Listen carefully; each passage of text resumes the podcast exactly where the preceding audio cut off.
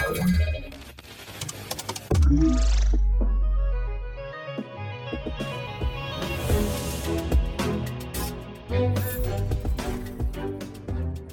Halo, halo, tu mówi Warszawa w podcaście Cyber Cyber Fundacji Bezpieczna Cyberprzestrzeń. Witam Was bardzo serdecznie z tej strony Cyprian Gutkowski. A więc jednak po raz kolejny ja i po raz kolejny Cyber Cyber Raport. E, miło mi, że mogę poprowadzić to nagranie dla Was. Ten podcast mm, będzie dotyczył najważniejszych spraw z ostatniego tygodnia.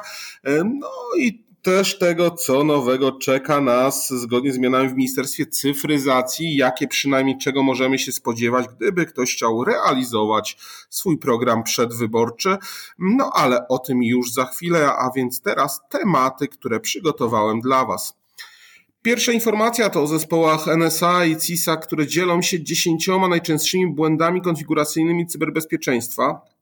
Informacja druga, cóż takiego naprawdę wydarzyło się w Alabie, znamy trochę więcej szczegółów. Wreszcie trzecia, poważny cyberatak paraliżuje Kyivstar, czyli największego operatora telekomunikacyjnego na Ukrainie. No i to, co już trochę powiedziałem, czwarty, nowe władze w Ministerstwie Cyfryzacji i zapowiadany program. A więc teraz przechodzimy do naszych informacji. Tak jak wspominałem, zespoły NSA i CSA dzielą się dziesięcioma najczęstszymi błędami konfiguracji.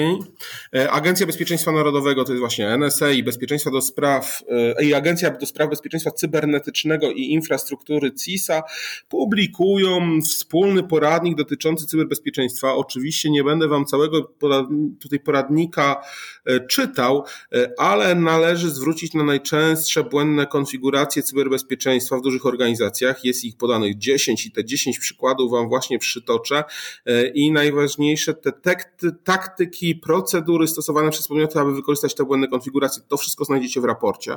Oczywiście wszystko będzie podlinkowane pod naszym e, podcastem, e, no ale przechodzimy do tych 10 najczęstszych błędnych konfiguracji sieci.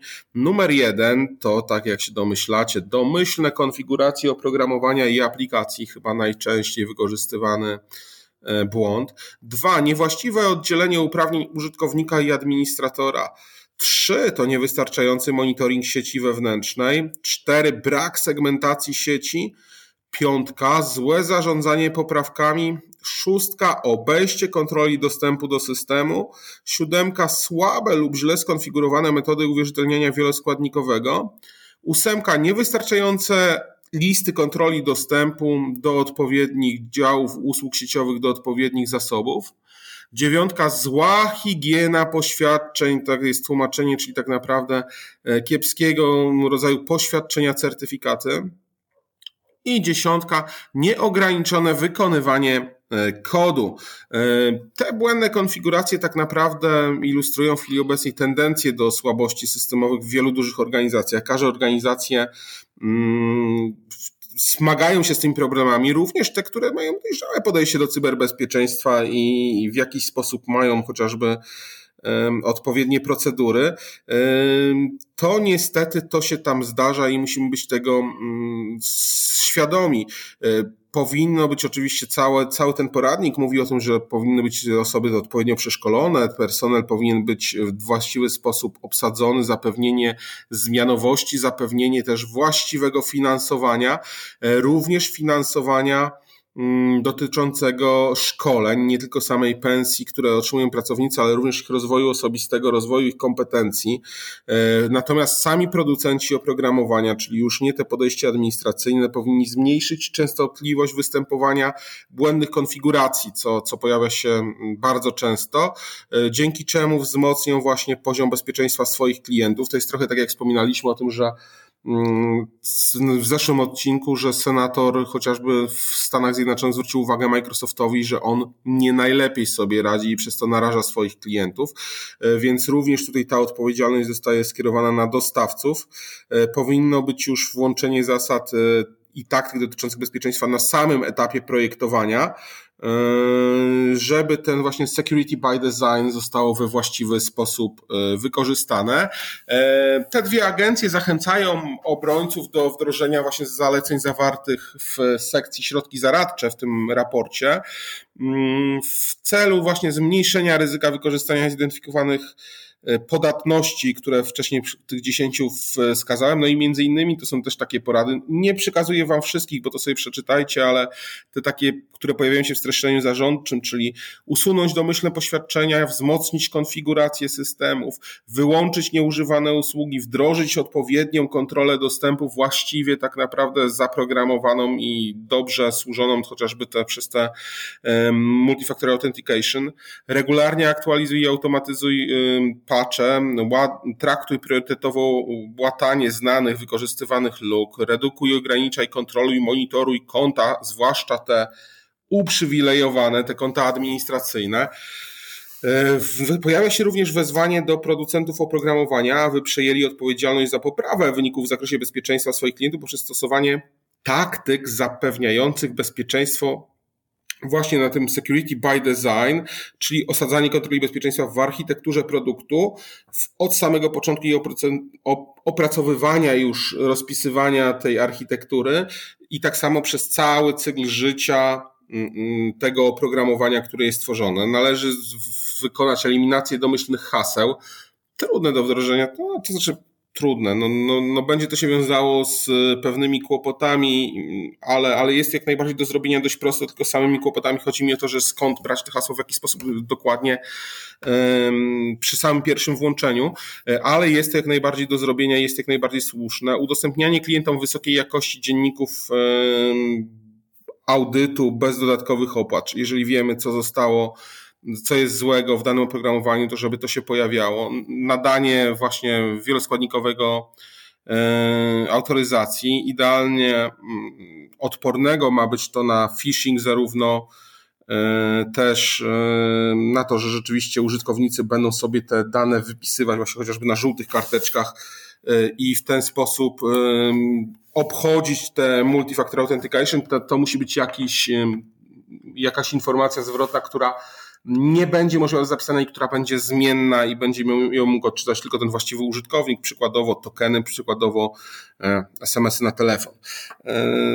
To są, to są te rzeczy, które głównie porusza w e, swoim poradniku, które poruszają te dwie agencje rządowe w Stanach Zjednoczonych. Materiał na pewno warty do przeczytania, warto z niego wyciągnąć wnioski. Niekoniecznie to wszystko musi mieć zastosowanie u nas, ale część myślę, że spokojnie może zostać zaimplementowana, co bardzo serdecznie Wam polecam. No i szybciutko przechodzę do informacji drugiej o tym, co tak naprawdę stało się w Alabie.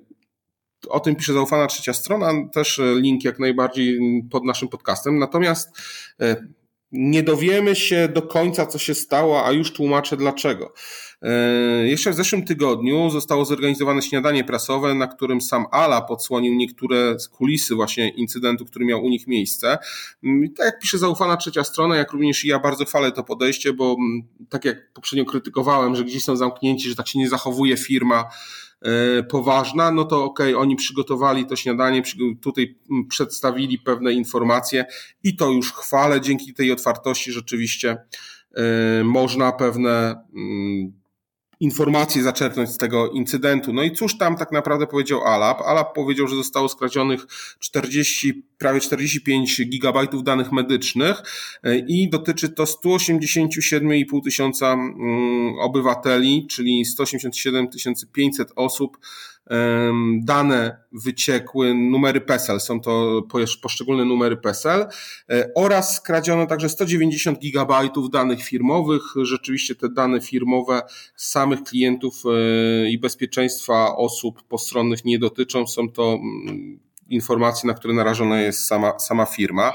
E, jak wyglądało samo zdarzenie, ale to już bardziej zdarzenie po wystąpieniu ataku.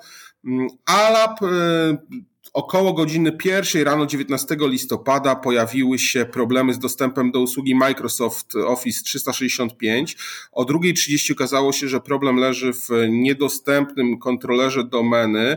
E, wtedy też zespoły IT rozpoczęły pracę mm, do przywrócenia kontrolera domeny z kopii bezpieczeństwa, co, co praca zakończyła się około 3.50. E, no i też wtedy zauważono, że jakieś dane zostały zaszyfrowane. E, podjęto decyzję o wyłączeniu wszystkich systemów. E, od czwartej zostali postawieni na nogi wszyscy dyżurni, wszystkie osoby z IT. E, została również podjęta decyzja o odzyskiwaniu danych z backupów.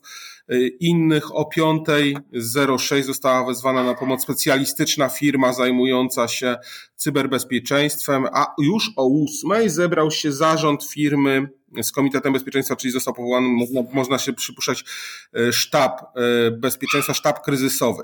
O 11.35 została odczytana notatka z żądaniem okupu.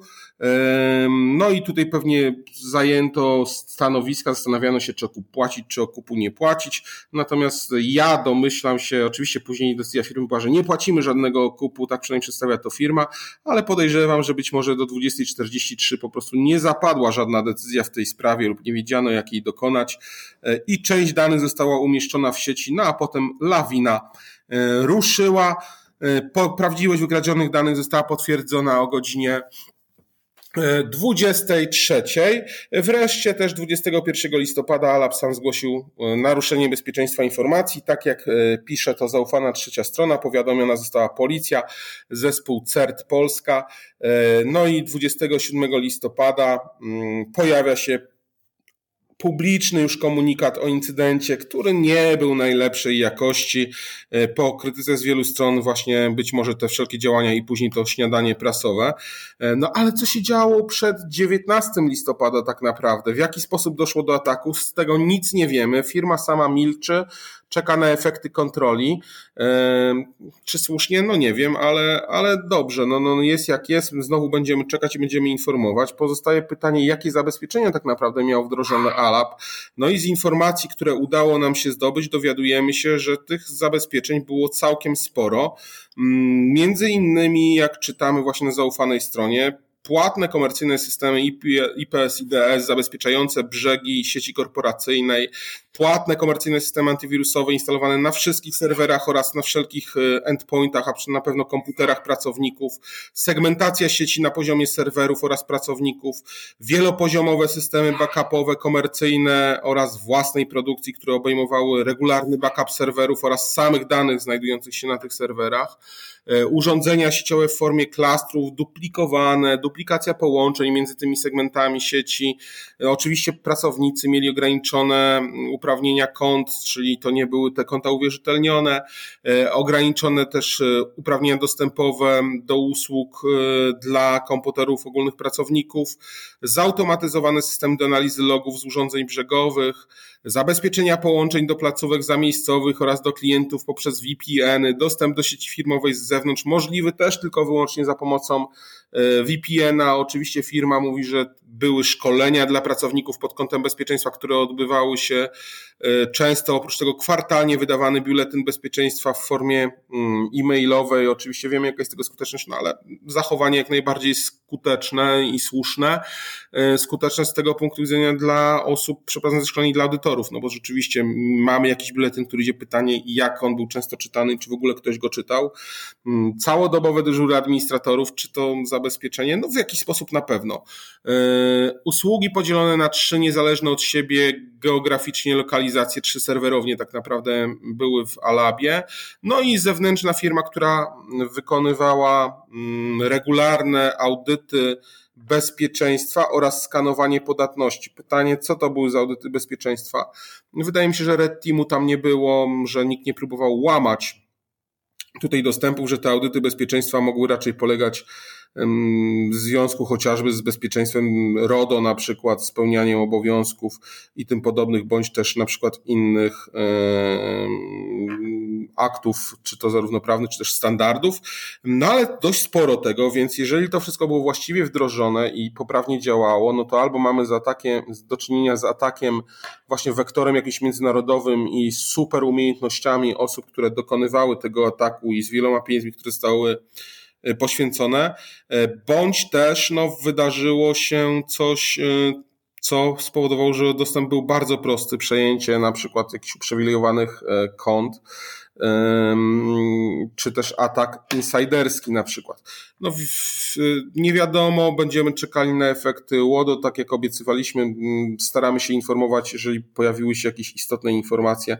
Tak samo będziemy o Alabie, no bo jednak prawie 200 tysięcy osób 200 tysięcy peseli, które wyciekły, jest mm, dość szokujące. Jest to duża informacja i ci ludzie mogą czuć się zagrożeni. mam nadzieję tylko, że Alap już te osoby poinformował i te osoby wiedzą o tym doskonale, że to ich dane wyciekły. A jeżeli nie wiedzą, no to myślę, że jest to bardzo, bardzo źle.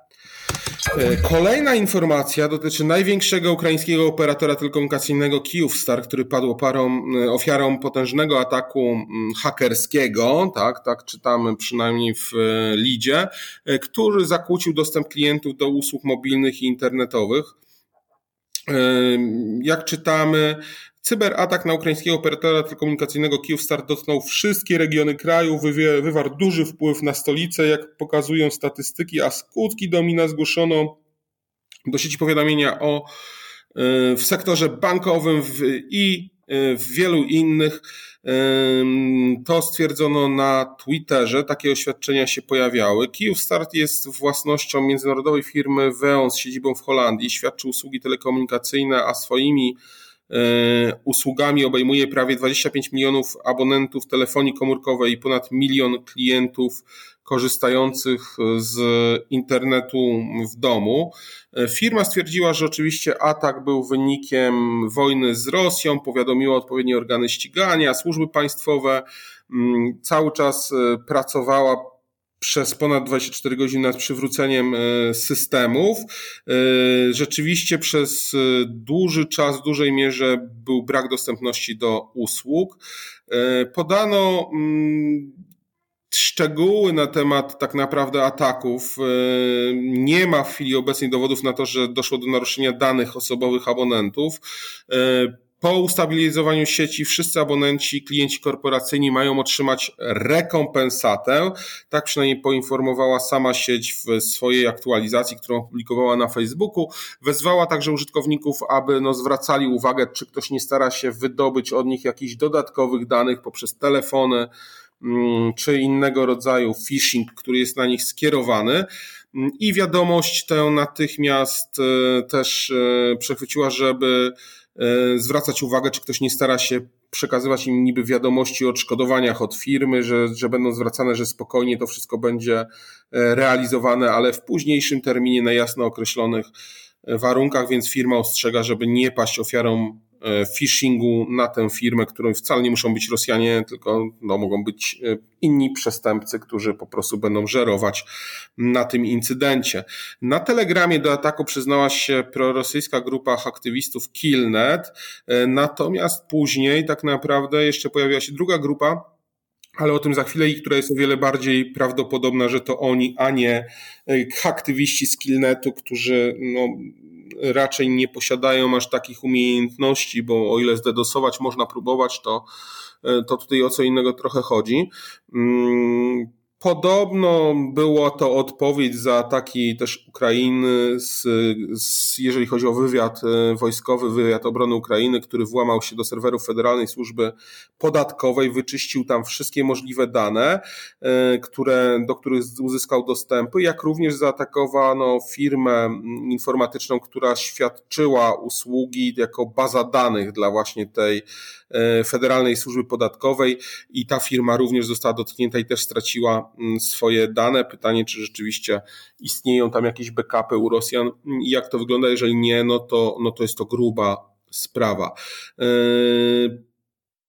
udało się właśnie podczas tej operacji też e, zinfiltrować właśnie te serwery chronione przez e, Rosjan e, i ponad 2300 serwerów regionalnych w całej Rosji zostało wyczyszczonych również na terytorium Krymu. W zeszłym miesiącu również wywiad ukraiński ogłosił, że stoi za atakiem na Federalną Agencję Transportu Powietrznego. Mm, atak umożliwił dostęp do dużej liczby poufnych dokumentów, w tym listy codziennych raportów obejmujących ponad półtora roku. W tych raportach jest informacja też, co się psuło, co nie działa, jakie są wykorzystywane obejścia, jakie workaroundy zostały wykorzystane przez e, Rosjan. E, Rosjanie twierdzą, że to fikcja e, i to jest tylko odpowiedź na problemy Kyivstar, który nie ma, nie, nie było żadnych ataków na nich i te, te, te oczywiście skutecznie się obronili przed atakami, których nie było. Sytuacja jest rozwojowa. E, Kijów Star twierdzi, że właśnie specjaliści, partnerzy dołożyli wszelkich starań, aby przywrócić sieć e, po ataku e, i transmisja została zwrócona w przeciągu 24 godzin. Nie wszędzie, co sugeruje, że rzeczywiście mieliśmy do czynienia z potężnym atakiem, ale, ale to, to, to działa i w chwili obecnej istnieje możliwość korzystania z usług Star. Natomiast właśnie tak jak wspominałem, inna grupa przyznała się do do ataków to jest Solncepiok. E, przepraszam, nie znam rosyjskiego, ale tak to mniej więcej e, czytam. Możecie się teraz ze mnie chwilę pośmiać. E, ona, ta grupa na Telegramie opublikowała, że bierze pełną odpowiedzialność za cyberatak, dodając, że zniszczyła 10 tysięcy komputerów, 4 tysiące serwerów, wszystkie systemy przechowywania w chmurze i systemy tworzenia kopii zapasowych. Okaże się tak naprawdę, bo to też nie wiemy, nie możemy ufać Ukraińcom, że to nie zostało zniszczone. Mm, zobaczymy. E, ugrupowanie oświadczyło także, że zaatakowało dostawcę usług telekomunikacyjnych, ponieważ zapewnia łączność siłą zbrojną Ukrainy, a także różnym organom państwowym i organom ścigania. E, jeżeli chodzi e, o ukraińskie władze, no to określiło one te grupę Solncepiok jako rosyjskie zaawansowane trwałe zagrożenie APT powiązane z głównym zarządem Sztabu Generalnego Sił Zbrojnych Federacji Rosyjskiej GRU.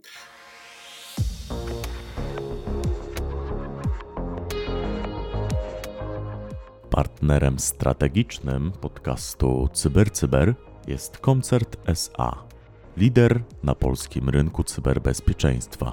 Sprawdź nas na www.koncert.pl. E, to na tyle, jeżeli chodzi o atak na Ukrainę. Natomiast teraz ostatnia informacja z dzisiejszego dnia o nowych władzach w Ministerstwie Cyfryzacji i o tym, jakiego programu możemy się spodziewać.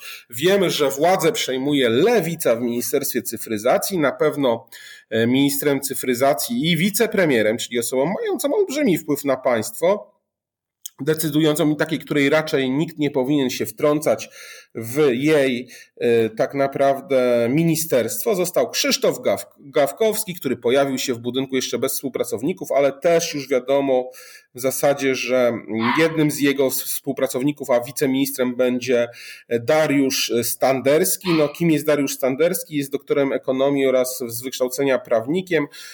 Był również pracownikiem badawczym na Wydziale Prawa i Administracji Uniwersytetu Warszawskiego.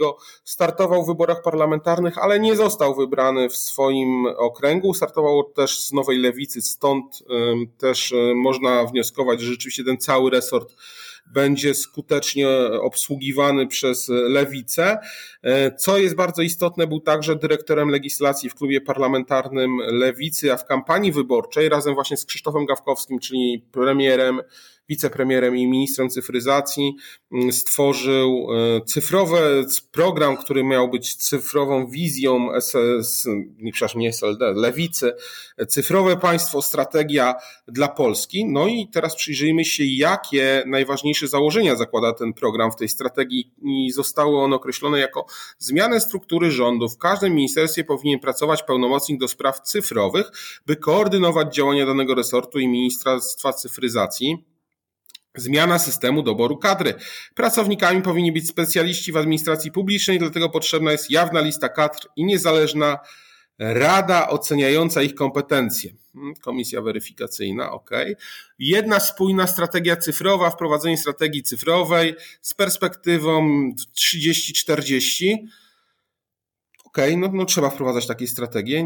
Sprawa, sprawna implementacja prawa unijnego no, będzie bardzo ważna w w, tak naprawdę wyzwanie przyniesie dwa, ale o tym jest jeszcze niżej, więc dlatego tutaj nie będę wnikał. E, piaskownice regulacyjne dla przedsiębiorców, by mogli przetestować swoje pomysły biznesowe w otoczeniu regulacyjnym. Nie mam zielonego pojęcia o co chodzi. Mm, jak chcą coś takiego osiągnąć, podejrzewam, że no łatwo jest coś napisać i papier wszystko przyjmie, ale wdrożyć to w życie będzie bardzo ciężko. Uporządkowanie cyfrowego obszaru ochrony zdrowia. Każda placówka powinna mieć specjalistkę do spraw cyfrowych. Specjalistę, specjalistkę do spraw cyfrowych. No okej, okay tylko jak to osiągnąć, jak te etaty mają wyglądać z takim finansowaniem służby zdrowia. Formalizacja e-sportu, stworzenie jasnych zasad funkcjonowania branży, czyli będzie Polski Związek E-Sportowy. Okej, okay, ja też nie mam, nie mam uwag. Stworzenie Agencji Cyberbezpieczeństwa, która miałaby koordynować pracę wszystkich polskich służb w zakresie cyberbezpieczeństwa na wzór brytyjskiej, na przykład National Cyber Security Center. Okej, okay, ja nie, nie, widzę problemów, tylko jest pytanie, jak pozostałe służby na to zareagują, czy na coś takiego w ogóle by pozwoliły i dlaczego nagle ta, pytanie, gdzie miałaby zostać stworzona ta agencja cyberbezpieczeństwa, kto miałby nią kierować, bo nie wierzę w to, że miałoby to robić Ministerstwo Cyfryzacji. Implementacja dyrektywy NIS-2 w oparciu o współpracę rządu, parlamentu, ekspertów oraz NGO-sów. Najważniejsze wyzwanie, które tak naprawdę musi zostać dokończone do października tego roku, przepraszam, przyszłego roku, teraz mam 23 i już blisko co prawda do końca, więc ten październik musi wejść NIS 2 E, oprócz tego nauka cyberbezpieczeństwa w szkołach i fajnie, i bardzo dobrze. Uregulowanie kontroli operacyjnej przy pomocy narzędzi cyfrowych. Wydaje mi się, że jest uregulowana, natomiast albo ktoś łamie prawo, albo go nie łamie i tyle. E, przeciwdziałanie dezinformacji. ok, Rozwijanie umiejętności cyfrowych przez całe życie, czyli o pewnie od urodzenia, czyli od nauki właśnie dzieci w szkołach, to czym była mowa, e, poprzez te jakieś uniwersytety trzeciego wieku. Bardzo fajne, bardzo fajny program popieram. Wprowadzenie funkcji Chief Digital Officer dla szkół. OK. Powszechny zasięg 5G we współpracy z operatorami. Fundusz badań nad sztuczną inteligencją e, na kwotę 500 milionów złotych podatek cyfrowy od reklam profilowanych i przekazywania zgromadzonych danych o użytkownikach. Bardzo fajny punkt. Ja, ja nie mam nic przeciwko, tylko jak to ściągnąć, jak to ma działać. Stworzenie drugiego polskiego superkomputera. Cyfryzacja polityki energetycznej z założeniem aktualizacji celów do 2040 roku, otwartość na europejską współpracę. Ten program jest ciekawy, no tak jak mówię, pytanie jak on będzie realizowany. Nie można powiedzieć, że Lewica nie będzie mogła realizować swojego programu ze względu na to, że to jest wicepremier. To jest poważna funkcja w rządzie e, i cyfryzacja idzie w ręce lewicy całkowicie i odpowiedzialność za cyfryzację idzie w ręce lewicy. Ja nie mam uwag do tego programu złośliwych, naprawdę. Uważam, że on, te punkty są fajne do paru, nie wiem po prostu jak będą realizowane, może jednego nie rozumiem jako tej piaskownicy dla przedsiębiorców, e, ale no to przyjdzie czas, y, zobaczymy czy w ogóle ten program zostanie wdrożony, no bo jak słyszeliśmy, e, to to, co się obiecuje przed wyborami, to niekoniecznie będzie, będzie wdrażane, więc e, chwilę musimy poczekać na plany nowego ministra, za co ja i myślę, wy wszyscy trzymacie kciuki. No i to wszystko na dziś. Skończyliśmy nasz cyber cyber raport, który trwał aż 27 minut, czyli bardzo długo, za coś przepraszam, no ale musiałem zmieścić te kilka tematów. Dzięki Wam serdeczne, że ze mną byliście. To Cyprian Gutkowski i Fundacja Bezpieczna Cyberprzestrzeń i nasz cyber cyber raport z tego, co wydarzyło się w ostatnim tygodniu. Dzięki i do usłyszenia. Pozdrawiam.